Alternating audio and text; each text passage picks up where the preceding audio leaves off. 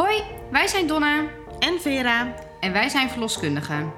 In deze podcast nemen we jullie mee in alle onderwerpen rondom zwangerschap en geboorte. Luister jij met ons mee?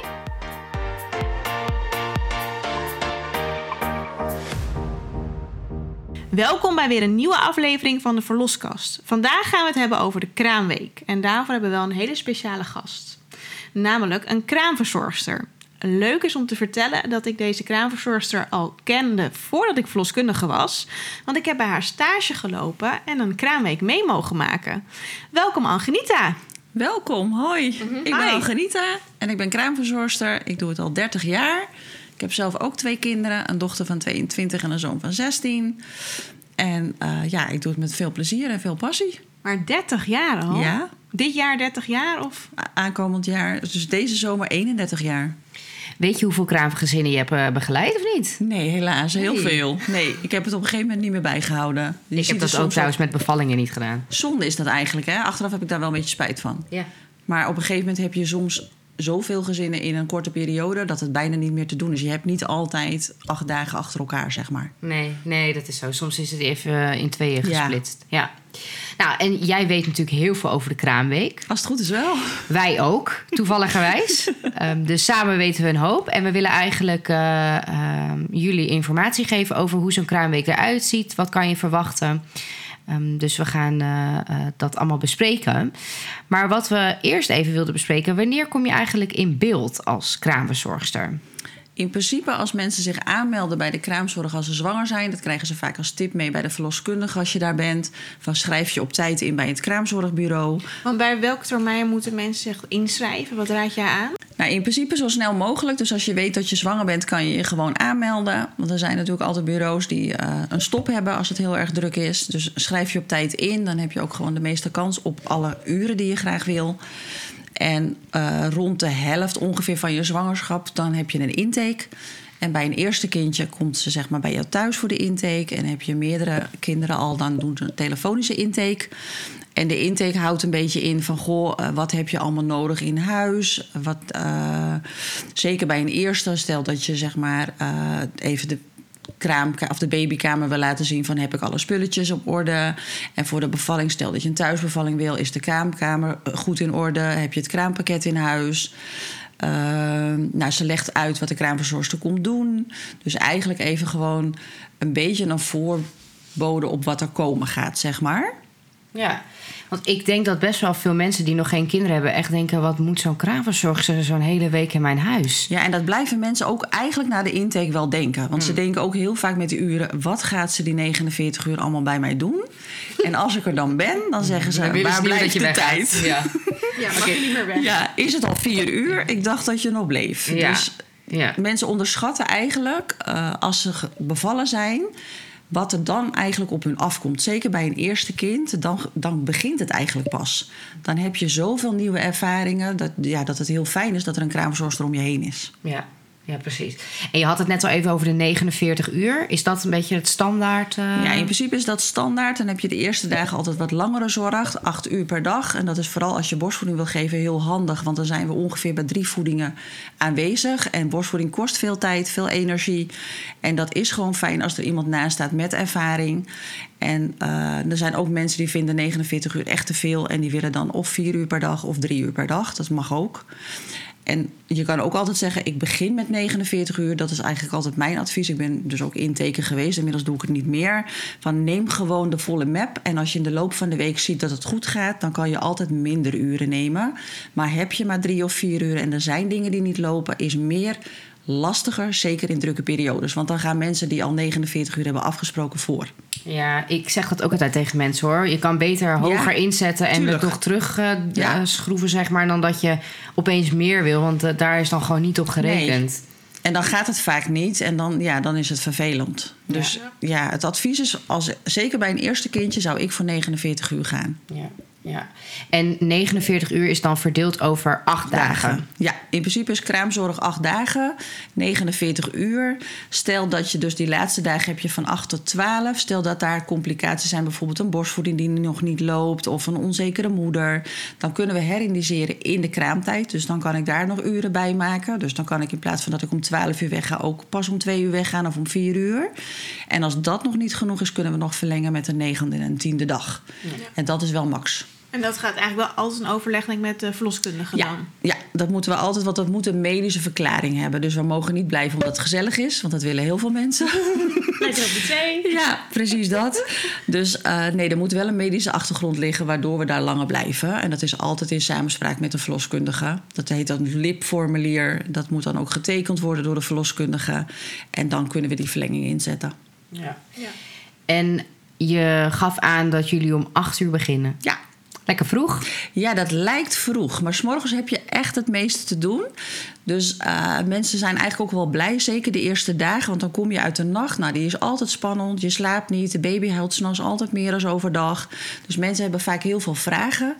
Eh, dan is het lekker om gewoon even rustig te ontbijten. Even de nacht te bespreken. Dan gaat de moeder vaak even douchen. Nou, vaak komt de verloskundige de eerste of de tweede dag al langs. Dus dan heb ik vaste controles gedaan. Dus het lijkt vroeg, maar het valt echt mee. En ja, het moederschap, dat is wel gewoon wat minder slapen, hè? Ja, dat is niet meer uitslapen. Dat, eh, nee, dus je dag begint ook vroeg. Ja.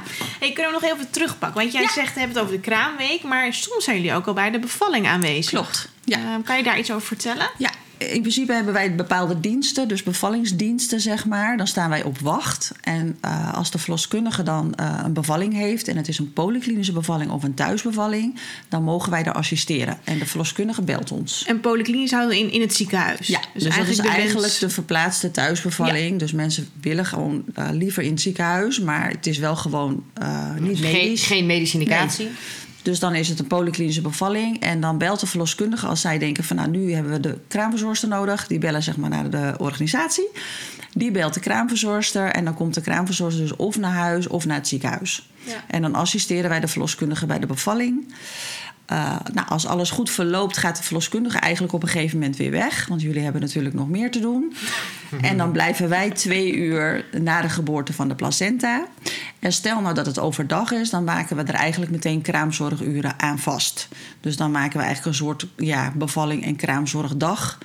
En is het s'nachts, dan gaan we in principe wel naar huis... na die twee uur na de geboorte van de placenta... en dan komen we in de volgende ochtend weer terug. Maar het kan wel zijn dat je iemand anders hebt bij je bevalling als in je kraamtijd. Want wij hebben gewoon losse diensten die gevuld moeten worden. En wij hebben ook collega's die doen alleen maar partussen. Ja. Bevallingen. Ja, sorry. Ja, nee, dat maakt niet uit. Partus is een bevalling met, in medische termen. Maar soms heb je dus wel dat als kraamverzorger bij de bevalling bent en de kraamweek doet. Ja, en dat is wel echt speciaal. Want Ja. mensen hebben gewoon natuurlijk heel veel vragen over hun bevalling. En dan kan ik natuurlijk daar veel beter op inhaken. Van, goh, toen deed je dit of toen zei je dat. Of weet je, toen ging dit zo. Of daarom is die keus gemaakt. En als ik er niet bij ben, ja, dan moet ik het toch een beetje vanuit het papier lezen. Of als de verloskundige langskomt. Want dat proberen ze vaak wel, hè. Dat de verloskundige één keer komt die de bevalling heeft gedaan. Ja. Dat helpt ook echt mee voor de kraamvrouw. Want je moet gewoon dingen verwerken. Ja, dat, dat proberen we inderdaad. Dat als je een bevalling doet als verloskundige, dat je bij die cliënt ook eh, op kraambezoek gaat. Want het is gewoon heel waardevol om de bevalling nog eens een keer door te bespreken. Mensen waarderen dat ook echt heel ja, erg. en dat is ook gewoon heel fijn. Mensen hebben toch altijd misschien wel wat vragen. Of eh, waarom zijn bepaalde keuzes gemaakt. Of nou ja, noem het maar. En je hebt ook opstartzorg, weet ik. Eh, kan je daar iets over vertellen, wat dat precies is? Ja, dat klopt. Uh, in principe stel dat je zeg maar in het ziekenhuis bevalt... en je bent daar tot een uur of twee, drie en je wordt ontslagen... dan ga je naar huis en dan doen wij een opstartzorg. Want dan kunnen we natuurlijk niet meer die acht uur maken. En een opstartzorg is minimaal drie uur kraamzorg... En dan doe je dus even uh, nou ja, de voorlichting voor de nacht. Dus hoe vul ik een kruik? Hoe temperatuur ik de baby? Hoe verschoon ik de luier? Nou, we kijken naar voeding mee. We doen ten alle tijden nog wel alle controles. In het ziekenhuis zijn ook de controles gedaan. Maar als kraamverzorgster moet je de controles opnieuw checken... om te kijken of het niet veranderd is. Een opstart die mag je in principe ook zelf kiezen. Sommige mensen die kiezen er niet voor om een opstart te doen. Zeker als het in de nacht is, dan willen vaak mensen gewoon toch liever slapen. Dan krijgen ze wat informatie mee vanuit het ziekenhuis. En ze kunnen natuurlijk ten alle tijde verloskundige bellen als er echt iets is. En eh, bij een tweede of meerdere kinderen, dan doen mensen het zo en zo vaak niet, omdat ze dan al gewoon meer ervaring hebben. Ja, ja en inderdaad, wij, wij zijn natuurlijk 24-7 te bereiken. Dus als, er, als mensen echt tegen dingen aanlopen, kunnen ze ons ook gewoon bellen. Ja. Ja. Nou, en dan komen we denk ik bij dag 1 aan in de kraamweek. Jij staat om 8 uur 's ochtends eh, bij, bij iemand voor de deur. En hoe, hoe start zo'n dag dan? Nou, over het algemeen is al best wel spannend voor de mensen. Van, goh, welke kraamverzorgster krijg ik? Klikt het? Wat komt ze doen? Eh, voor mij is het natuurlijk ook spannend. Wie staat er aan de andere kant van de deur? Weet je, wordt het een gezellige week?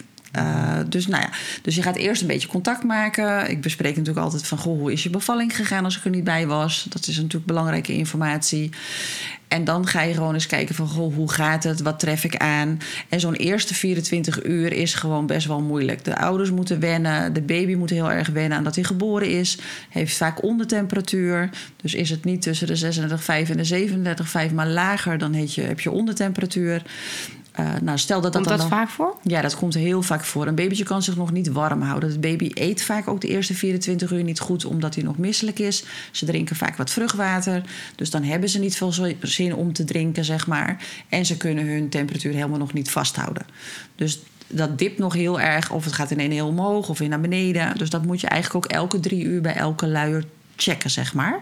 En wat zijn jouw tips dan om een kind goed warm te kunnen houden? Ja, in principe is het in het wiegje altijd met een mutsje op en met een kruikje erbij. Wij leggen ook altijd uit hoe je de kruik moet vullen, want dat kan je niet zomaar zelf doen. Daar zitten echt wel hele regels aan, zeg maar. En eh, als dat Wat niet... zijn die regels? Dan ben ik die benieuwd. Ja, ja nou, dan denk ik dat de luisteraars wel benieuwd zijn hoe je dan een kruik moet vullen. Want dat Ja. is niet gewoon onder de kraan. En, Nee, eh, nee, en dat mag ook gewoon alleen maar een metalen kruik zijn. En je doet eerst een klein kopje koud water in de kruik, ongeveer een koffiekopje. Dan doe je gekookt water in de kruik, die laat je helemaal overlopen, dat hij echt een bolletje heeft. Dan draai je de dop erop, dan draai je hem goed strak aan. Dan kan je hem niet meer vastpakken met je blote handen, dus doe hem even in een theedoek. Draai hem goed strak. ik heb wel eens mijn fikken verbrand. Jij? Nou, ik ook. Tot de blaren eraan toe, hè? Ja, weet je wanneer? Weet je wanneer? Als je dan zo midden in de nacht bij een bevalling Precies. aankomt thuis... en dat iemand al volledig ontsluiting heeft... je hebt nog geen kraamverzorgster... en dan moet je die piepenkruik maken. Nou, dan heb ik inderdaad echt wel eens lelijk mijn vingers verbrand. Ja, heel herkenbaar. Ja. Ja. Dus, eh, dus nee, pak vooral met een theedoek, dat is handig. En dan goed checken of die niet lekt. Dus goed draaien, een beetje schudden, bij die dop kijken of er geen water uitkomt. Dan doe je er een kruikenzak omheen. En dan draai je hem in een hydrofiele luier. Dus die leg je eigenlijk als een wiebertje neer. En dan draai je hem in de punt, draai je hem helemaal naar het eind. Dan hou je aan de zijkanten zeg maar twee strengels over. En die knoop je aan elkaar vast. En dan moet de kruik, zeg maar, als die in de wieg gaat... Eerst het babytje in de wieg, dan het dekentje eroverheen, dan de kruik op het dekentje, dus niet eronder, maar erop. En dan zeg maar een beetje schuin achter de baby met de dop naar beneden en de knoop tussen de baby en de kruik. Dus de kruik kan nooit tegen de baby aanrollen. Daarom is eigenlijk die knoop ontstaan. En daaroverheen leg ik dan nog wel weer een klein dekentje of een handdoek, zodat die kruik minimaal zes uur warm blijft. Maar er zijn toch ook periodes geweest... waarbij de kruik niet meer bij de baby mocht? Ik heb het gevoel dat dat steeds wisselt. Klopt. Maar eh, als je hem goed vult en goed onder begeleiding, dan, dan mag het wel. Alleen deze kruik mag. We staan niet garant voor een hittepitje of zo'n zo'n waterkruik die je gewoon bij een. En Zo'n eh, elektrische, hoe heet die ook? ja, ook niet. Ook nee. niet, hè? Echt gewoon echt die Ja. ouderwetse metalen... Kijk, en we willen hem ook zo snel mogelijk het liefst wel weer afbouwen. En wat altijd helpt is huid op huid bij mama. Hè. Dat is natuurlijk ook eh, ja, hartstikke lekker. En dan nemen ze zeg maar jouw lichaamstemperatuur aan. Dus dan kleed je de baby uit, heeft alleen een luiertje aan. En dan leg je het op de borst van mama of papa of oma of een oudere broer of een zus. Nou, in ieder geval iemand die dat leuk vindt om te doen. En dan leg je de baby daar lekker op en dan de deken eroverheen. En als het echt een ondertemperatuur is, doen we soms ook nog wel eens zo'n celstofmatje uit het kraampakket. Die kan je eromheen wikkelen. En dan zal je zien na een uur, dan moeten we opnieuw temperaturen en dan moet het gestegen zijn. Want stel dat het niet stijgt, kan de baby ook een infectie hebben. Dan Ja. moeten we ook altijd de verloskundige bellen. Ik wil zeggen, dan bel je ons. Ja, en dan komen wij even verder kijken. En het huid-op-huid contact is buiten eh, temperatuurregulatie voor zoveel dingen goed. Ook als je borstvoeding wil geven. Het is goed voor de hechting. Ja, de En- ademhaling. Ja, en het is gewoon heerlijk. Nou ja, Vera, ik denk jij kan er waarschijnlijk nog meer over vertellen. Want eh, Ik Ja. doe het uren op een dag. Ja. Ja, en het is echt gewoon voor het contact met je kindje Ja. heel goed, maar ook voor de groei van de baby.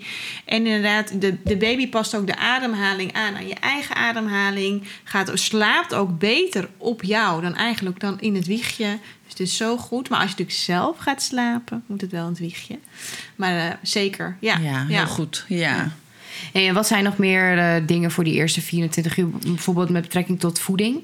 Ja, in principe zeggen we altijd als je borstvoeding wil geven, probeer zoveel mogelijk aan te leggen. Want hoe meer we aanleggen, hoe sneller je productie op gang is. Maar dat is soms een beetje tegenstrijdig, omdat we dan een misselijke baby hebben. Dus we proberen het wel. En alleen ja, niet elke baby heeft zin om te drinken. Dus het hoeft nog niet. En dat is wel belangrijk. Dus we proberen het gewoon. En wil de baby niet drinken, heeft het reserves voor de eerste 24 uur. Maar probeer het wel. Stel dat het niet lukt, leg wel de baby op je borst. Leg het bij je tepel, laat het ruiken, laat het likken. Laat het in ieder geval in de buurt liggen. Dan doet het ook wat met je lijf. Want anders loop je straks gewoon achter met je productie. Ja. Eventueel een beetje met je handen masseren. Soms komt er een druppel uit. Dan kan je dat op een lepeltje doen. Dan kan je in ieder geval iets geven. Ja. Dus ja, er zijn wel mogelijkheden. Ja.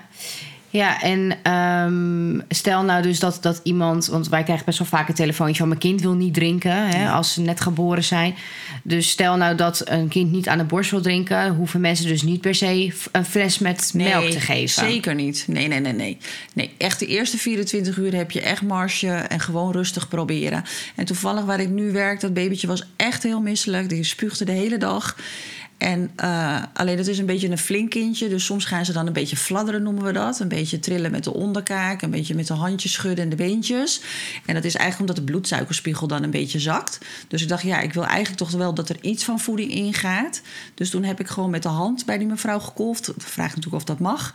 En dat heb ik opgevangen met lepeltjes. En ik heb er gewoon elke keer, elke drie uur een paar theelepeltjes gegeven. En het ging hartstikke goed. Ja. Maar ja, daar heb je dus eigenlijk weer gelijk iets heel moois waarvoor jij er bent. Want die vrouw zelf was dat misschien geen niet, idee. niet opgevallen Nee. dat dat kind aan het fladderen was. Nee. Dus dan kan je wel weer eh, advies op maat eigenlijk geven. Ja. ja. Nou, en die wist ook niet het verschil tussen eventueel ik ga spugen of ik, het is een zoekreflex, zeg Ja. maar. ja. Ja. ja, en daarvoor ben jij er dan dus om dat uit te leggen. Ja. Ja. Dus, eh, dus nee, wat dat betreft is een kraamverzorgster denk ik wel heel waardevol. ja. En een paar keer heb je al de misselijke baby genoemd. Ja. Heb je daar ook nog tips voor, behalve dan dus eventueel het wegdrinken? Ja, het is vaak het wegdrinken. Ik leg de babytjes dan ook wel echt op de zij, zodat het wat makkelijker eruit kan. Want heel vaak doen mensen de baby automatisch optillen en dan zakt het eigenlijk weer in de maag. En ik heb eigenlijk liever dat het eruit gaat, want hoe eerder het eruit is, hoe makkelijker nou ja, de baby zich op een gegeven moment weer voelt en beter gaat drinken. Dus het liefst wel voeden. Dat helpt soms nog wat extra misselijk, maar dan spuugt het wat makkelijker.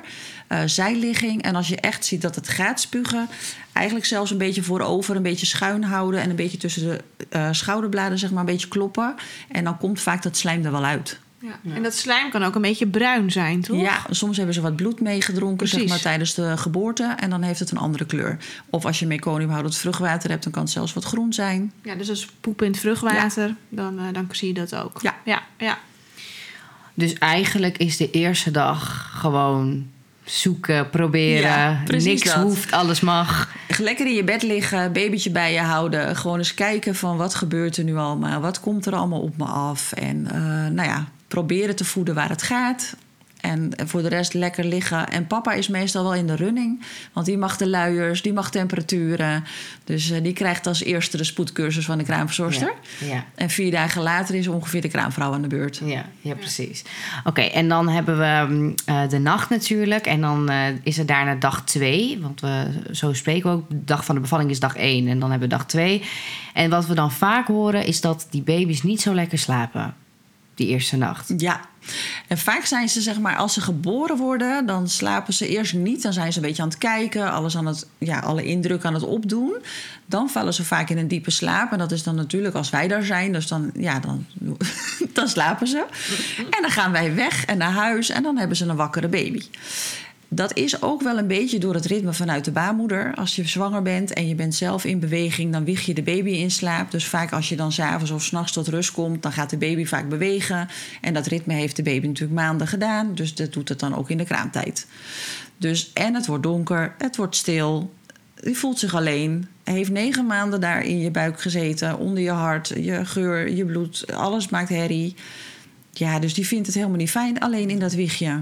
Nee. En dat is logisch. En dan pak je het heerlijk op en dan neem je het lekker bij je. Ja. En die slaap haal je wel weer in als ik er ben. ja. Wat ik nog bedenk, wat je zegt over geur, dat is misschien wel een goede tip, is om bijvoorbeeld iets van een spuugdoekje of een eh, hydrofiele doek in je BH te dragen. Ja. En die kan je dus dan eventueel bij de baby leggen in het bedje, zodat hij ook de geur ruikt. Klopt. Of een t-shirt wat je hebt gedragen, dat je dat over het matrasje heen legt. Ja. ja. Ja, en jij, Vera, noemde net al even het samen slapen. Kindjes willen dus graag bij je liggen. ehm, maar het is dus niet verstandig om samen met je kind in bed te slapen. Nee, als je echt op een gegeven moment zo moe bent dat je echt gaat slapen. Want meestal in het begin blijf je echt wel wakker en weet je dat de baby er ligt. En dan ja, ben je wel een soort van aan het waken. Maar als je echt gaat slapen, dan is echt ons advies om het wel in een rijgewichtje of co-sleeper of ledikantje wat je hebt, om het daar neer te leggen. Want dat is wel veilig. Ja. Ja. Ja. want je hebt toch kans dat je over je baby heen rolt. Of je, Ja, je ik heb zelfs een moeder gehad, dan zwiepte de baby zeg maar uit bed. Die lag op de borst van Ja. de moeder. Die was in slaap gevallen, die schrok wakker. En doordat zij schrok, viel de baby uit bed. Ja, ja. Uiteindelijk allemaal goed gegaan. Maar ja, Het is gewoon gevaarlijk. En ook al denk je van, ik ga echt niet in slaap vallen. Je bent zo moe. Je houdt het dus, niet vol. En het gebeurt in één keer. En je hoeft maar heel even te ontspannen. En het kan hartstikke misgaan. En we begrijpen natuurlijk supergoed dat... ehm, je kindje misschien helemaal nog niet in het eigen wiegje wil liggen... maar probeer dan te gaan wisselen met je partner. Precies, dus dat, je allebei een shift soort van Ja. doet... en even beneden, huid op huid... om die kleine rustig te krijgen... dat je allebei wat uren slaap kan Ja. pakken. Ja. En zeker overdag als de kraamverzorgster er is ook te gaan ja, slapen. dat moet je ook echt doen. Tussen 1 en 3 is eigenlijk een beetje een ja, vast begrip. Dat is al jaren zo. En als je dat volhoudt, dan zal je ook zien dat het, ja, dat het echt profijt is voor jezelf. Je voelt je echt beter. Ja. Dan kan je de nacht ook veel beter aan. Ja, oké.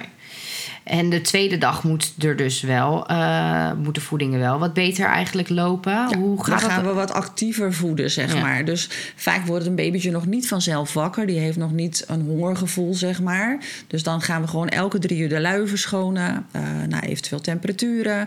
En zodra je de luien verschoont en je eh, de baby eigenlijk weer teruglegt... gaat het eigenlijk altijd zoeken en wil het automatisch eten. Dus dan ga je eigenlijk elke drie uur oefenen. Ja, oké. En over luiers gesproken, wanneer moet een kind eigenlijk plassen en poepen? In principe het liefst binnen 24 uur een plasluier... en een poepluier mag in 48 uur. Ja. Dus, en die eerste poep is heel zwart. Dat heet meconium. Dat zijn de afvalstoffen van het terugwater wat de baby heeft gedronken. En dat is vrij kleverige stroop. Dus mijn tip is vaseline op de billen. Want die poep ruik je niet. En als je pas na drie uur gaat verschonen... dan krijg je het er dus bijna niet meer af. Robben. Hele rode kont. Dus dat wil je niet. Dus ik smeer altijd bij elke verschoning vaseline. En dan blijft het niet plakken. Nee. En als die poep eenmaal veranderd is van kleur... dan wordt het zeg maar geel en dan is het zacht en waterig... en dan gaat het er allemaal makkelijk af. Maar voor die eerste paar dagen is vaseline heel erg handig. Ja. En wel grappig dat je het zegt over dat geel en waterig. Want ik krijg soms nog wel eens de vraag van mensen... Ja, mijn kind heeft diarree. Is Ja. Helemaal niet goed. Klopt. Maar dat is normale Dat is normaal. In het begin is het echt waterig. Wij noemen dat zelfs spuitluiers. Het kan echt nou, flink spuiten, zeg maar. Bij mij is het echt tegen de Luxaflex aangekomen. Nou, ik heb het Ja. al zoveel op de vloerbedekking, over mij heen, over de vrouw heen. Over je hand met temperaturen. Ja, het is- ik vind het echt op mosterd lijken. Met korreltjes. Ja. Alsof je rijst hebt gegeten, zeg maar. Ja. Dus maar in de loop van de weken wordt die poep wel weer wat vaster. Ja. Maar het begint als een soort van eh nou ja, diarree-achtige ontlasting. Maar wij kijken ook altijd naar de ontlasting en wij leggen dat ook altijd aan de gezinnen uit. Ja, dus er zijn verschillende kleuren ontlasting wat er in de kraamweek Ja. is. Dus begint, begint- zwart. oh, ja. oh ja, sorry. Ja, nee, vertel je jij maar. gelijk. Je begint zwart, dan krijg je overgangspoep. Dat is eigenlijk een beetje bruin, soms een beetje groen. En dan krijg je geel. Ja. Dus dat klopt. En qua plasluiers, wat zie je daarin? Eh, het kan zijn als je een dochter hebt gekregen dat je pseudomenstruatie ziet. Dat is eigenlijk een soort eerste menstruatie. Het babytje krijgt hormonen mee van de moeder. En dat kan je dan met menstruatie en met eh, afscheiding. Dus echt een beetje witte uit, afscheiding uit de vagina. En opgezette borstjes. Jongetjes hebben ook opgezette borstjes, maar die hebben natuurlijk geen menstruatie. En eh, wat je ook kan zien zijn uraten. En dat zijn afvalstofjes vanuit de nieren. Omdat de baby in het begin natuurlijk nog helemaal niet zoveel drinkt. eh, moeten die nieren zeg maar, nog een beetje goed doorgespoeld worden. En dan kunnen er wat uraten in zitten. Daarom is de tip ook altijd ja, een dag of drie, vier dat je de luiers moet bewaren. Als wij er niet zijn, zodat de kraamverzorgster in de ochtend de luiers kan checken. Want er zijn gewoon dingen die je als ja, vader of moeder gewoon helemaal niet ziet of geen erg in hebt. En dat is voor ons hele belangrijke informatie. Dus stel dat de uraten erin zitten, dan weet ik dat er gewoon nog wat meer doorgespoeld moet worden. En de eerste dagen mag dat ook, maar op een gegeven moment na een dag of drie, vier wil ik wel echt dat dat minder wordt of in ieder geval weggaat. En hoe ziet dat eruit, een uraat? Ja, een uraat is een beetje een soort paprika-achtige poedervlekje in de luier. En dat Het wordt ook wel verward met bloed, heb ik soms het idee. Ja, maar dat is ook soms ook wel lastig. Ik vind het zelf soms ook wel eens lastig. Maar dat, ja, dat ziet er net iets anders uit van kleur. Meer oranjeachtig Ja. eigenlijk. Ja. Ja, ja, ja. En het andere is echt wel een beetje meer rood-roze. Ja. En dat andere, ja, dit- ja, ik vergelijk eigenlijk de uraat altijd een beetje meer met paprika-achtige. Ja, en ik denk dat de luiers bewaren een hele goede tip ook is. Want Ja. soms heb je ook dat mensen denken... Hé, mijn kind heeft helemaal niet geplast. Want dan heb, tegenwoordig heb je van die strips op die luiers. Hè? Ja. Dat verkleurt blauw als er plas in zit. Ja. Maar ja, een kind kan ook net naast die strip plassen. En dat er toch een plasje in zit. Klopt, en die wordt heel vaak gemist. En ik heb ook wel eens het idee dat die strips niet meteen kleuren. Nee, zo. Oh, meer, moet, Ja. moet er meer veel plas in zitten. Nou, het moet wat langer liggen. Ja, dat is Oh. echt zo. Want Ja, soms dan voel ik... Ja, Ja. dat heb ik nog steeds wel hoor. Soms Ja, voel ik in die je? luier en dan voel ik al dat die jellerig Ja. is, zeg maar. Dat er plas in zit, maar dat die, die streep nog niet blauw is. Nee, want ik kom wel eens bij mensen en zeggen ze... oh, ze heeft de hele dag niet geplast. Want dan zijn ze er heel gefocust op en dan kijken ze heel goed op die luiers... en dan liggen er gewoon drie plasluiers. Ja. Dus dan denk ik, ja, dan is er toch iets niet helemaal in orde met die strip. Dus het is gewoon goed om het even, zeg maar, Ja. weg te leggen. Goeie tip. En dag twee komen wij ook vaak langs. Ja. En soms zijn mensen daar best ver- eh, verrast over. Oh, oh, komen die nog langs? Oh, wat gezellig. Maar ook in de kraamweek eh, ja, eh, moeten wij nog voor jullie zorgen. Dus voor jou en de baby. En ehm, komen we dus op kraamvisite. Nou, allereerst dus ook om de bevalling even door te bespreken hoe dat was. En om te kijken hoe het gaat. Eh, waar wij vooral, waarom wij vooral aan de tweede dag vaak langskomen, is om de geelheid van de baby te beoordelen. Babytjes worden vaak eh, wat geel in de kraamweek. En we moeten kijken of dat niet te is. Want als dat te is, dan is het soms nodig om het kindje te prikken op bilirubine. Dat is een bepaalde stof. Als dat te hoog is, dan kan het gevaarlijk zijn. Het moet ook niet te snel zijn dat de baby geel wordt. Dus dat is eigenlijk vaak de reden dat we de tweede dag langskomen. En hoe eh, zou jij onze samenwerking omschrijven? Dus tussen de verloskundige en de kraamzorgster? Ja, ik vind het altijd een hele fijne samenwerking. Ik kan gelukkig ook met alle dames heel goed opschieten. En het is ook belangrijk. Want wij zijn eigenlijk hun ogen en oren. Weet je, een verloskundige heeft natuurlijk niet alleen maar visites, die heeft heel veel andere taken. En eh, het is wel hun kraambed, zo moet je het eigenlijk zien. Dus als ik iets signaleer, bijvoorbeeld een gele baby... of een voeding die niet gaat, een gewicht wat naar beneden gaat... of Soms hebben babytjes gekke pukkeltjes, ik noem maar even iets. Of een naveltje die niet goed droogt. Dan eh, overleg ik altijd met het gezin samen van... goh, we gaan de verloskundige even bellen, want het is hun eindverantwoordelijkheid. En dan bepaalt de verloskundige op dat moment van... goh, ik kom even kijken of ik doe het even telefonisch. Nou, tegenwoordig leven we in de mobiele tijd... dus we kunnen gelukkig ook heel veel filmpjes en foto's maken. En dat is echt heel handig, want als we twijfelen over bepaalde dingen... over een ademhaling, of dan maak ik vaak een filmpje... en dan kan de verloskundige zeg maar even kijken van... goh, hier moeten we echt meteen wat mee of dit is gewoon prima. Ja, Dus- plus ook dat als wij soms komen, dan, dan denk je van... hé, ik zie helemaal niks aan het Ja, kind. En dan is het net, ja, als Ja. wij er niet zijn. Dus het is heel handig om inderdaad even een foto of een filmpje van iets te maken. En dat is ook handig voor ouders zelf hè, in de nacht. Want als er dan dingen gebeuren, dat ze denken... oh, dit ken ik helemaal niet. Film het gewoon even, want dan kan ik 's morgens met je meekijken... van oh joh, dit is gewoon, of dit geluidje doen ze altijd. Of, Ja, precies. Weet je, dat soort dingen. Dus nee, een een verloskundige voegt echt wel heel veel toe. Het lijkt soms een beetje eh, voor mensen dat ze denken... ja, maar dat heb jij net toch allemaal gevraagd? Want jullie vragen wel een beetje dezelfde vragen uit... als die wij vragen. Maar goed, ik zeg altijd, soms vertel je misschien mij iets meer... als de verloskundige of juist andersom. En ehm, ja, dat is natuurlijk ook gewoon hun taak. En als ik er niet ben, dan kan je het natuurlijk zelf vertellen. Maar soms vraagt de verloskundige ook even de gouden controles aan mij. Dat is ook prima. En dan is het meer gewoon een eh, emotioneel praatje met de kraamvrouw. Van, goh, hoe gaat het nu? Want dat heb je ook nodig. Hè? Het is niet alleen maar de controles, maar goh, hoe kijk je terug op die zwangerschap? Hoe zit je er emotioneel in? Eh, nou, Ja, en wij hebben natuurlijk soms al een, een heel traject met iemand doorlopen, Ja. waardoor de, de band iets anders is. precies. Maar ik zie het echt, echt als een, een samenwerking. Want ik Ja. vind soms ook wel, als we het over voeding hebben eh, of over een gewicht, daar zullen we zo nog wat over uitleggen. Maar eh, wij zijn natuurlijk eindverantwoordelijk, dus wij hakken uiteindelijk de knoop door wat het beleid gaat zijn. Alleen soms heb ik wel dat ik denk, ja. ik ben daar niet. Nou. Weet je, dus ik wil een beleid maken, maar ik wil ook heel graag van jou als kraamverzorgster weten: wat denk jij? Wat denk jij dat het beste is? Want jij bent daar de hele En tijd en ik dat niet. vind ik dus heel fijn, want wij zijn er inderdaad ook meer. En soms heb je gewoon. Kijk, er zijn bepaalde regels. Stel dat de babytje 7% is afgevallen, dan, nou, dan ben je verplicht zeg maar, om te bellen met de verloskundige. En dan is er eigenlijk altijd wel meteen een plan nodig. Maar soms zitten we op een omslagdag en dan zie ik gewoon als kraamverzorgster. Morgen hebben we gewoon een prima gewicht. Weet je, die voeding komt eraan.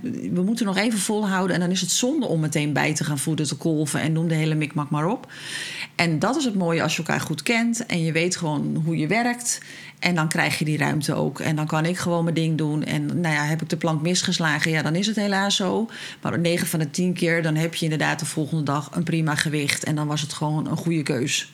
En dat is gewoon die samenwerking, dat je gewoon weet van elkaar van nou, je hebt ruimte, eh, jullie horen mij, ik hoor jullie. En ja, en samen maak je daar gewoon een goed plan. Ja, ik denk dat eh, het kennen van de kraamverzorgers in je regio dat dat heel waardevol Dat is. denk ik er zijn ook, ook. veel praktijken die een eigen kraambureau hebben. En Ja. daar zijn, zie ik ook echt wel heel veel voordelen in. Ja, Dus eh, ja, dat is fijn als je elkaar Ja. kent. Ja, maar ik dat weet, is ook echt ik, zo. ik weet als ik bij jou bij een kraamgezin kom dat de controles er ook altijd zijn. Ja, Ja, precies. Ja, ja. al is het Ja. acht uur. Ja, Ja. ja. Ja. dat is heel fijn. Ja. Ehm, Als als anders we, moet je er achteraan bellen. Dat is ook zo gedoe. Nee, dat vind ik zelf irritant. minder. Ik weet Ja. wanneer jullie komen. ja. Weet je, op het moment dat jullie lang zijn geweest, geven jullie altijd meteen door wanneer de volgende afspraak is. Dus dan kan je als kraamverzorger gewoon zorgen dat je je controles op orde hebt. Want Ja. als er iets afwijkt, dan hoef ik er niet achteraan te bellen of jullie weer terug te laten komen. Dan Ja. is het toch fijn als het gewoon op rit is. Ja, zeker. Hey, en als we kijken naar dag eh, drie en vier en we even inhaken op het gewicht. Want kindjes vallen natuurlijk vaak af. Ja, Ehm, klopt. Dus mensen kunnen daar misschien van schrikken, maar het is heel normaal dat een kindje afvalt in Ja. de eerste dagen. Ja. En dat is vaak een beetje de, ja, het laagste punt, dag drie en vier. Ja, klopt. Ja. Ja, ja, ja, ja. En eigenlijk heb Angelita het net al een beetje aangegeven. Hè? Tot eh min 7% onder het geboortegewicht is normaal. En dan vanaf daar ga je kijken van wat is het beste om te doen. Ja. Eh, je had het net over kolven en bijvoeden. Eh, nou, dat er dan altijd een overleg ook gaan Ja. met de verloskundige. Ja. Ehm, maar dat is in het begin inderdaad zeker niet iets om als Nee. kraamvrouw je zorgen over te maken. Want eigenlijk alle kinderen vallen af. Je maakt Ja. zelden mee dat dat niet is. Maar dat is ook wel een beetje te verklaren. Want als een babytje wordt geboren, dan heeft het nog niet gepoept. En dan wordt het gewogen. En je zal zien, je zal je echt verbazen, die meconium, die zwarte luiers, dat zijn er vaak wel een stuk of vijf, zes als je niet uitkijkt. En dat heeft allemaal in die darmen gezeten. Dus dat gaat er eerst allemaal uit. Dus dat gewicht gaat er eigenlijk al vanaf. Dus als er heel veel poepen, dan gaat het gewicht ook al naar beneden. Eh, soms heb je een infuus gekregen, dus dan krijg je vocht tijdens de bevalling. Dan krijgt de baby soms ook wat extra vocht, kan het ook wat zwaarder wegen. Dus wij kijken niet alleen maar van, goh, eh, het is afgevallen. Wat zijn er nog meer voor redenen? Hoe gaat het met eten? Nou, inderdaad, was er een infuus? Heeft de baby veel gepoept? Heeft er misschien heel veel gespuugd? Dus er wordt wel naar het hele plaatje gekeken, zeg maar. Ja, en dat is soms ook de reden. Wij, wij komen meestal op dag 2 langs, maar meestal ook op dag Ja. 4. Ja. Om dat inderdaad nog een keer te bekijken. Hè. De, items die je net noemde, kijken we naar. Maar we kijken ook, zie je ook een alerte baby? Is een Precies. baby niet alleen maar aan het slapen? Meldt het zichzelf voor de voedingen? En dat is vaak de reden dat wij op dag 4 ook langskomen. En soms aan één blik in een box heb je eigenlijk genoeg dat je denkt... oké, het gaat goed hier. Ja. Ja. Nou, precies. Ja, en dag vier is ook wel de dag waar... Ja, dat gaat het vaak gewoon niet het op, op het lekkerst, zeg maar. Voor Dat mama is- meestal niet. Nee, er is vaak stuwing, eh, kraamtranen. Ja. eh, Al vaak zeg maar gebroken nachten Ja. gehad, niet zoveel geslapen. Beetje het dieptepunt van de kraamweek. Ja, Dus bereid je voor. We, we zeggen ook, oh, het is dag vier. Oh, weet je, helemaal Hechtingen normaal. gaan trekken, Ja. je borsten doen pijn, je bent vermoeid, eh, je ziet het soms even allemaal niet meer zitten. Ja. En vanaf dag vijf, geloof me, dan voel je je echt alweer een beetje beter. En dan ga je eigenlijk alleen maar bergopwaarts. Ja, het is heel grappig, want ik heb echt wel vaak gesprekken met vrouwen op dag vier. En dat ze dus echt zeggen van jeetje, ik, ik overzie Help. het al niet meer. En ik vind het echt niet leuk. En ik voel me helemaal niet Waar ben ik aan begonnen? Ja, Ja. en dan zeg ik ook altijd, joh, als je over drie dagen zal je Ja. hier alweer met een lach op terugkijken. En dat oh, kunnen ze zich dan niet bedenken. Nee, hè? dat Nee. is alweer zo'n groot verschil. Dus, dus ik denk dat dat wel goede info is voor als je nog een kraamweek ingaat. Weet dat die dag vier Ja. gewoon niet de leukste is. Nee. En dat, dat bereid je gewoon voor dat dat gewoon geen leuke dag is. Nee, klopt. En het komt ook wel vaak omdat nacht drie, op dag vier zeg maar naartoe, wordt de baby op een gegeven moment heeft de baby ook wel echt gewoon honger. En die wordt dan onrustig en die gaat heel veel vragen. Dus vaak slaap je die nacht heel slecht omdat de baby heel veel wil drinken. En ja, hoe meer de baby drinkt, hoe sneller je productie goed op gang is. Dus het heeft ook wel allemaal een werking. Alleen ja, het kost ook gewoon heel veel energie. Ja. Ja. Ja. En je had het net over inderdaad eh, hechtingen die pijn gaan doen, borsten Ja. die pijn gaan doen. Want moeder controleer je natuurlijk ook. Ja. Wat, wat, wat controleer je precies allemaal bij de moeder? Wij doen bij de moeder de temperatuur, de pols, de baarmoeder, het bloedverlies, het plassen, de ontlasting, eh, de benen om te kijken of je eventueel vocht vasthoudt. Eh, ik vraag vaak heb je, of ze last van hun hoofd hebben of weet je, gewoon andere klachten. Ik zeg ook altijd: alles wat je voelt, wat je normaal niet voelt, wil ik weten. Al is het helemaal niet belangrijk. Ik wil het gewoon allemaal weten, want dan kan ik er iets mee. Want stel Ja. dat het wel belangrijk is, dat je denkt: ah, dat zal er wel bij horen, wil ik het alsnog gewoon weten. Eh, dus wij checken eigenlijk alle, alle controles en ook de emotionele kant van de moeder, de vermoeidheid. Dus ja, Ja. En de hechtingen dus. ja, Ja. ja. Wij controleren de hechtingen ook soms nog. Ja, ja. klopt. Ja. Maar ook wel vaak als wij vragen van... goh, wil je even meekijken of ik twijfel? Of eh, nou ja, soms dan eh, ja, gaat het helaas toch een beetje ontsteken. Of, eh, Heb je daar tips voor als, sorry, als het ontsteekt? ja, nou, het is vooral zo enorm belangrijk... dat je het eigenlijk bij elke plasbeurt goed spoelt. En dat kan met een bidon, een fles, onder de douche. nou ja, wat je zelf fijn vindt. En dat mag met lauw water, koud water, warm water. Dat maakt allemaal niet uit. Want daar is ook nog wel eens een dingetje mee. Luchten. Dus gewoon op een matje met je billen bloot. Op zo'n celstofmatje uit het kraampakket. En dan gewoon minimaal ongeveer ja, een half uurtje zeg maar, per dag luchten. Want als je iets laat drogen aan de lucht, dan geneest het vaak veel beter. Ja, en ik ben zelf wel fan van kamillethee. Dus dan doe je gewoon wat kamillethee eh in een maatbeker. Dan doe je echt een volle maatbeker, zet je kamillethee. En daarvan giet je wat in je spoelwater. En daar spoel je dan zeg maar mee. En dat is gewoon een natuurlijk product, kan geen kwaad, lossen de hechtingen ook niet te, te snel van op, zeg maar. Want dat vinden sommige mensen ook nog wel eens spannend. En kamillebadjes? Ja, weet je, dat kan wel. Alleen het blijft altijd wel een gevecht om in een badje te gaan zitten. Nou, ik moet eraan denken, omdat ik altijd de tip geef... als je zo'n zweefwc, als je zo'n zweefwc hebt... Ja. dat je dan een vuilniszak eroverheen trekt... en daar dan met je kont in gaat, zitten. Ja, dat kan. Maar het is inderdaad praktisch is het Nee, niet. Want het je komt pas al- ook niet in een emmer. Ik wou Dus- zeggen, oh, soms doen ze dan in zo'n po van bij de bevalling, zeg maar. Maar dat is ook altijd een dingetje. Ik zeg altijd eh, even een wattenschijfje in Kan de kamillethee. En dan dat er erop. tegenaan. Ja, Oh, dat, dat kan ook. dan. Of een gaasje. Gewoon erop. Ja, Ja. Ja, ja. ja, slim. Dat Ja. kan ook. Grappig hè? Zo heb je allemaal weer andere manieren en Tips en tips en trucs. Ja. En arnica schijnt wondgenezend te zijn hè? Klopt, maar dat mogen wij als kraamverzorgster eh, zeg maar niet zelf bedenken. Dus ik kan het wel bedenken, maar ik moet het dan wel met jullie overleggen of Ja. dat erop mag, zeg maar. Nou ja, ja. En als je heel erg last hebt van de hechting, want in principe word je gehecht met oplosbaar hechtdraad, dus Ja. dat lost vanzelf op. Ehm, maar als je, het, eh, als je er heel erg last van hebt of het gaat heel erg trekken, dan kan de verloskundige, dus wij, eh, kunnen dat verwijderen vanaf de zesde dag. Eh, en dat geeft, want eigenlijk hebben de hechtingen dan niet zoveel functie meer en dat geeft dan vaak wat verlichting. Dus dat kunnen we doen. Ja, die knoopjes gaan heel erg trekken. Dus dat Ja. vinden mensen wel vaak een beetje spannend, maar ze zijn wel daarna heel blij dat hij eruit is. Ja, precies, precies. Hey, en als we dan wat meer richting het einde van de kraamweek gaan. Eh, Dan gaan mensen steeds meer zelf doen. Dus want in het begin ben ik eigenlijk, dan denk ik voor hun, ik doe alles. Dus ik hou de tijd in de gaten. Hoe laat moet de baby eten? Ik zorg dat je je water hebt en je eten. Maar dat is natuurlijk niet de bedoeling dat ik dat acht dagen ga doen. Want als ik dan weg ben, dan denken mensen van, oh jee, en nu, nu moet ik het in één allemaal zelf doen. Ben je ook van de luxe lunchhapjes en Ja, fruithapjes? fruithapjes. En, eh, ja, oh, vandaag nog een broodje heerlijk. zalm gemaakt met avocado en mayo en noem het allemaal maar. Wat een verwennerij. Dus u vraagt, wij draaien. Maar eh, dus uiteindelijk moet je wel zelf weer na gaan denken. Dus de eerste vier dagen zijn echt wel een beetje van... nou, blijf lekker in bed. Eh, ga alleen een beetje boven, een beetje rondlopen. Ga beneden misschien even een keer lunchen of eten. Maar daarna ook wel gewoon weer je rust pakken. En de laatste vier dagen zijn echt wel van... goh, ga zelf eens de luien verschonen. Een beetje na gaan denken van... oh ja, hoe laat moet ik klein ongeveer eten...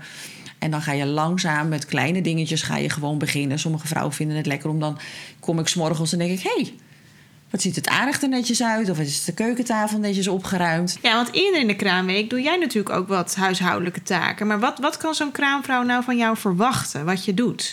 Dat klopt, maar dat is wel vooral bij 49 uur kraamzorg. Dus hoe minder uren, hoe minder taken wij eigenlijk doen. Maar wat wij vooral doen is uh, qua hygiëne. Dus het sanitair, dat is echt belangrijk. Of ik nou vier uur bij je werk of acht uur bij je werk, dat moet wel echt gebeuren. Je hebt natuurlijk een wond, er is bloedverlies. Dus dat maken we elke dag schoon. We zorgen dat je kraamkamer er netjes uitziet. We verschonen je bed. Het is wel in overleg, dus het hoeft niet elke dag als je dat zelf ook niet wil. Vind je dat wel fijn, is dat ook prima. Ehm, de babykamer moet er netjes uitzien. En daarnaast, als we tijd over hebben, doen we wel huishoudelijke taken. Maar alles is op het oog. Dus ik haal een stofzuiger door het huis. Uh, ik hou je was bij. Maar het is niet dat ik een grote schoonmaak ga houden, zeg maar. En stel dat ik een voeding heb of een baby heb die, niet lekker, uh, nou ja, die het gewoon niet lekker doet. Of heel misselijk is. Of een kraamvrouw die heel verdrietig is en veel aandacht vraagt. Gaat dat altijd voor. Ja, en dan logisch. heb je gewoon geen tijd voor die stofzuiger. En dat is ook niemand die dat dan raar vindt. Want het is ook niet het belangrijkste. Maar goed, bij tijd over, uh, ja, dan doen wij gewoon wat een normaal persoon ook gewoon doet. Dat je huis er gewoon netjes opgeruimd uitziet. Ja. Ja. Oké, ik denk dat we een leuke afronding is dat we even wat tips gaan geven. Uh, tips die iedereen kan gebruiken voor de kraamweek. Wat uh, komt er bij jou uh, op? Nou, het potje vaseline, dat is altijd handig om in huis te hebben. En uh, we hadden het net al even over de stuwing. Soms is het ook fijn om te koelen. Dus je kan eventueel appelstroop in boterhammenzakjes doen. Dat blijft namelijk zacht, maar wordt wel heel koud. Dus dat kan je heel makkelijk vormen. En daar kan je eventueel je borsten mee koelen. Maar ook je onderkant mee koelen. Aanbijen, opgezwollen onderkant, hechtingen. Ja, is lekkerder dan een, uh, ma een hard Ja, maandverband. Soms nee. deden we dat wel eens een maandverband nat maken in de, in de vriezer. Maar dat, dat blijft natuurlijk keihard. Ja, en dat gaat ook weer lekker, want dat water en zo. Dus dat is altijd een troepje. Als je gaat koelen, wel altijd even in een washandje en dan tegen je onderkant aan. Dus niet zeg maar rechtstreeks. Nee, want dan blijft het eraan tip. zitten. Wat, wat ik heel lekker vond voor de eh, tepels die in het begin eh, heel rauw zijn, zo beschreef ik ze altijd, is van die hydrogel pads. Klopt. Eh, die, die werken heel lekker verkoelend. En die kan je eigenlijk de hele dag erop doen. Na de voeding deed ik ze er steeds weer op. Vond ik echt heel erg fijn. Dus dat is eh, mijn tip. Ja, en tijdens het voeden is het handig om ze dan even in de koelkast te leggen. En als je ze er dan weer op doet, dan geeft dat die verkoeling aan die tepel. Ja. Wat ook handig is om sowieso altijd kunstvoeding in huis te hebben. Dus als je zeg maar borstvoeding wil geven, zou ik wel... Je hebt van die proefpakjes, daar zitten drie zakjes in. Neem wat in huis, want stel dat er toch iets van bijgevoeding uh, moet komen... is dat vaak altijd op een moment dat het helemaal niet handig is. Misschien s'nachts naar een tankstation of iets. Precies. Dus zorg dat je dat in huis hebt. En als je kunstvoeding gaat geven, dat kan natuurlijk ook. Dat is ook prima. Uh, koop niet meteen van één merk tien flessen. Koop gewoon één of twee flesjes van verschillende merken. Want elke uh, baby heeft een andere zuig techniek, reflex. En soms denk je van, oh leuk, ik vind die flessen leuk. En dan werken ze helemaal niet. En dan heb je er al tien gekocht. En dan zeg ik van, nou, het is misschien toch slim om een andere fles te proberen. Dus koop niet te veel flessen. Uh, begin ook gewoon altijd met een standaard kunstvoeding. Niet meteen met hypoallergeen of dergelijke. Gewoon eerst met een standaard en dan maar eens kijken hoe die kleine het erop doet. En, en het merk maakt overigens niet uit, hè? Nee, het komt allemaal van dezelfde fabriek. Dus koop wat bij je portemonnee past. Dat is altijd mijn tip. Dus koop waar, waar, jij je goed bij voelt. Dus het maakt niet uit of het een merk is of een A of een B of wat dan ook. En uh, kunstvoeding bouw je op, zeg maar. Dus elke dag geef je een beetje meer. Want dat maagje moet natuurlijk steeds een beetje meer wennen. Dus we beginnen met 10 cc, 20 cc. Zou je nou op de verpakking van zo'n kunstvoeding kijken en je kijkt naar het gewicht van de baby, dan staat er bijvoorbeeld dat ze 60 of 70 cc moeten drinken. En dat is pas na een week. Dus ga dat dan niet meteen de eerste nacht bijvoorbeeld geven als je denkt: oh help, de baby drinkt niet, ik wil een flesje geven. En dat hebben we toch best wel vaak Ja. dat dat gebeurt. Precies. Ik had een keer iemand. Nou, we hebben net zo. Het kindje bleef maar huilen. Dus we hebben even 90 cc gegeven. Ik zo, dat meen je niet. En, en, en ging dat erin? Ja hoor, ging er allemaal helemaal in. En ik, Spuugde niet. Nee. Ja, bizar dan hè. Ja, ja, krampen Ja. daarna. Dus nee, dus hou je niet aan de verpakking nog. Dat is pas na een week. Dus de kraamzorger legt dan uit dat je dat elke dag een beetje op moet bouwen. ja, Ja. oké. Nou, ik- mooi tip. Ja, ik denk hele goede tips. Nou, daarmee zijn we aan het eind gekomen van eh, deze aflevering van de Verloskast. En ik vond het super leuk dat jij hier wilde zijn. Ik vond het ook leuk. Heel leuk om eh, dit met jullie te doen. Leuke Ja. ervaring. Ja, dankjewel Angenita. Heel en graag eh, gedaan. we zien je natuurlijk in het werkveld Tuurlijk. Ja. weer. Ehm, jullie bedankt voor het luisteren naar de Verloskast. Volg ons ook op Instagram, Verloskast. We zijn op alle ehm, podcast platformen te beluisteren. En we hopen dat jullie de volgende keer weer eh, naar onze aflevering luisteren. Tot ziens! Applaus van Genita. Hm. Doei!